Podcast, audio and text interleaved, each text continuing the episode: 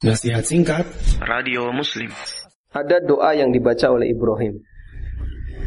Doa itu Allah cantumkan di surat Asy-Syu'ara ayat 84. Asy-Syu'ara ayat 84 di antara doa Ibrahim adalah waj'al li lisana sidqin fil akhirin.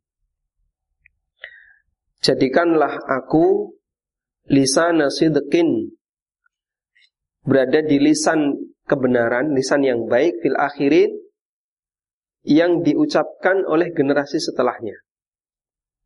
Kata Al-Hafidh Ibnu Katsir, maknanya adalah waj'al li dzikran jamilan ba'di.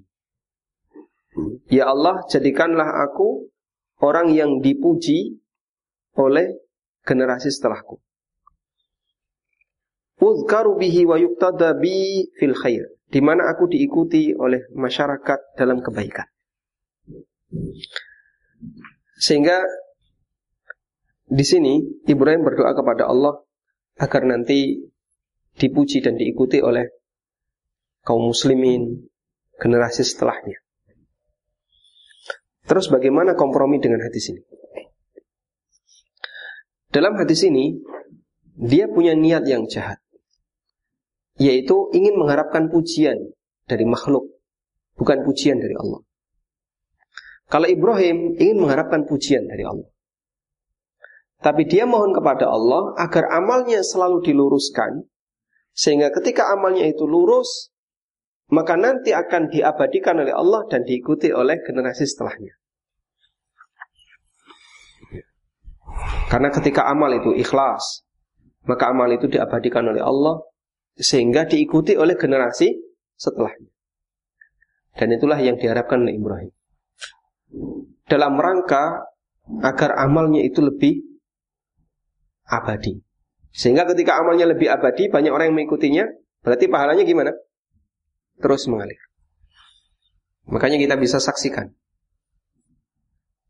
syariat di kegiatan atau di bulan Dhul Hijjah itu sebagian besar napak tilas dari kegiatan atau ibadah yang dilakukan oleh Ibrahim dan keluarganya. Sehingga Nabi Muhammad SAW diperintahkan oleh Allah untuk mengikuti itu. Dan itu yang pertama kali melakukannya adalah Ibrahim AS. Haji. Kemudian uh, sa'i antara sofa dan marwah. Siapa yang pertama kali? Hajar. Kemudian berkorban. Siapa yang pertama kali? Ibrahim alaihissalam menyembelih. Kemudian kegiatan-kegiatan yang lainnya yang pertama kali Ibrahim. Nabi Muhammad SAW diperintahkan oleh Allah untuk mengikuti syariat beliau dan diikuti oleh manusia setelahnya. Betapa banyaknya pahalanya Ibrahim. Berapa jumlah orang yang sa'i dalam sehari di luar corona?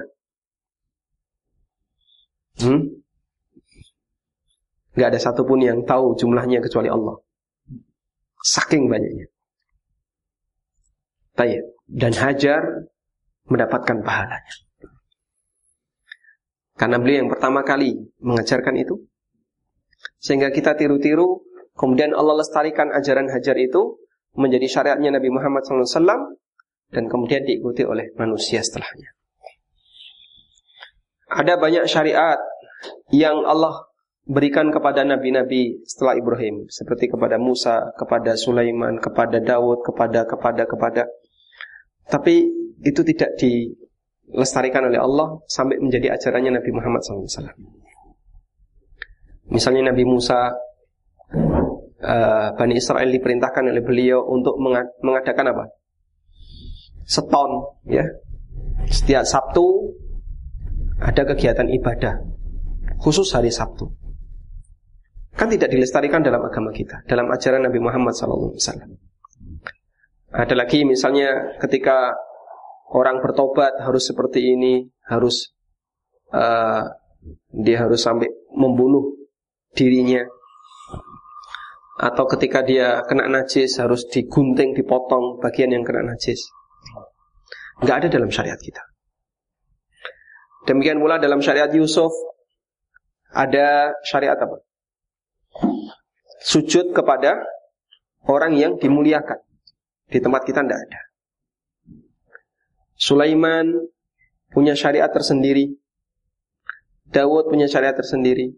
Bahkan sampai syariat terakhir di zaman Nabi Zakaria alaihissalatu wassalam boleh puasa bisu seperti yang dilakukan oleh Maryam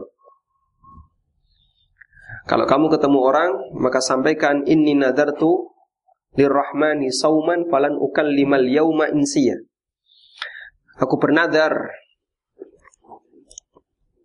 untuk Allah dan saya tidak mau bicara dengan siapa pun sehingga boleh puasa bisu di zaman syariatnya Zakaria. Dan ketika itu Maryam sedang hamil dan kemudian melahirkan bahwa Nabi Isa beliau puasa bisu. Dan di syariat kita tidak Dan masih banyak syariat-syariat yang lainnya. Tayyib. Itulah keistimewaan Ibrahim di mana beliau memohon kepada Allah agar praktek ibadah yang beliau lakukan lebih dilestarikan oleh Allah. Makanya banyak dari kegiatan ibadah kita dikembalikan kepada apa? Atau rujukannya adalah pertama kali melakukannya Ibrahim alaihissalam. Dan itu menunjukkan bagian dari ikhlasnya Ibrahim dan beliau adalah seorang ahli tauhid. Tayyib.